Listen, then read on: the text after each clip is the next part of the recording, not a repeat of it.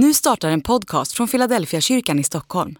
Om du vill komma i kontakt med oss, skriv gärna ett mejl till hejfiladelfiakyrkan.se. Dag 161, Defining Moments. Sedan kom Jesus från Galileen till Johannes vid Jordan för att döpas av honom. Men Johannes ville hindra honom och sa, det är jag som behöver döpas av dig och nu kommer du till mig. Jesus svarade, låt det ske. Det är så vi ska uppfylla allt som hör till rättfärdigheten. Då lät han det ske. När Jesus hade blivit döpt steg han genast upp ur vattnet. Himmelen öppnade sig och han såg Guds ande komma ner som en duva och sänka sig över honom. Och en röst från himlen sa, detta är min älskade son, han är min utvalde. Matteus kapitel 3, vers 13-17. Det finns tillfällen som definierar oss som människor. Tillfällen då vår rätta karaktär blir synlig eller då vår livsmening klarnar.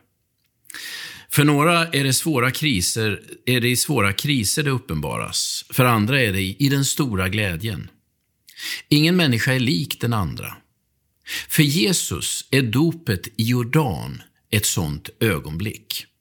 Åtminstone är det så vi får det berättat i evangelierna.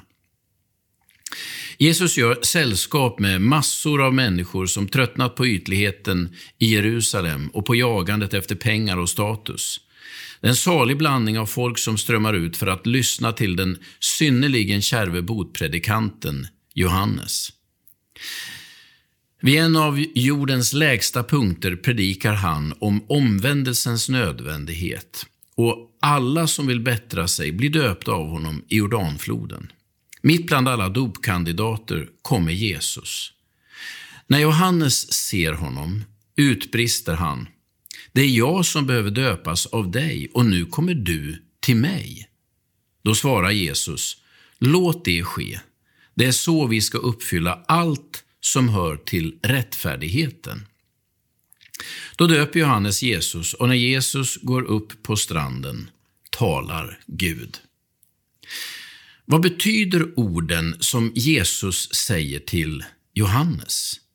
Rättfärdigheten är ett ord som kan tolkas på olika sätt. Antingen menar Jesus att det hör till god ton att han blir döpt av Johannes. Det kan också betyda att det är en gudomlig befallning som ska genomföras.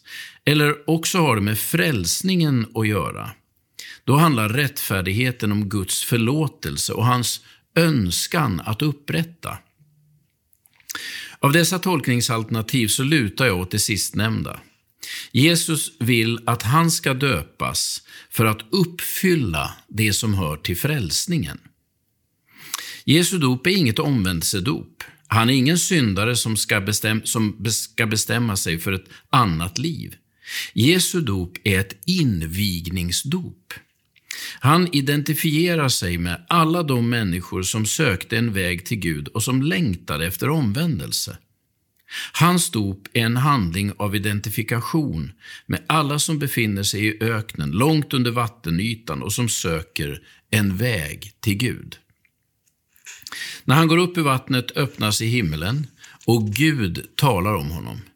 Gud sanktionerar Jesu identifikation med oss vilsna människor och säger så alla kan höra att han är Guds son och den utvalde.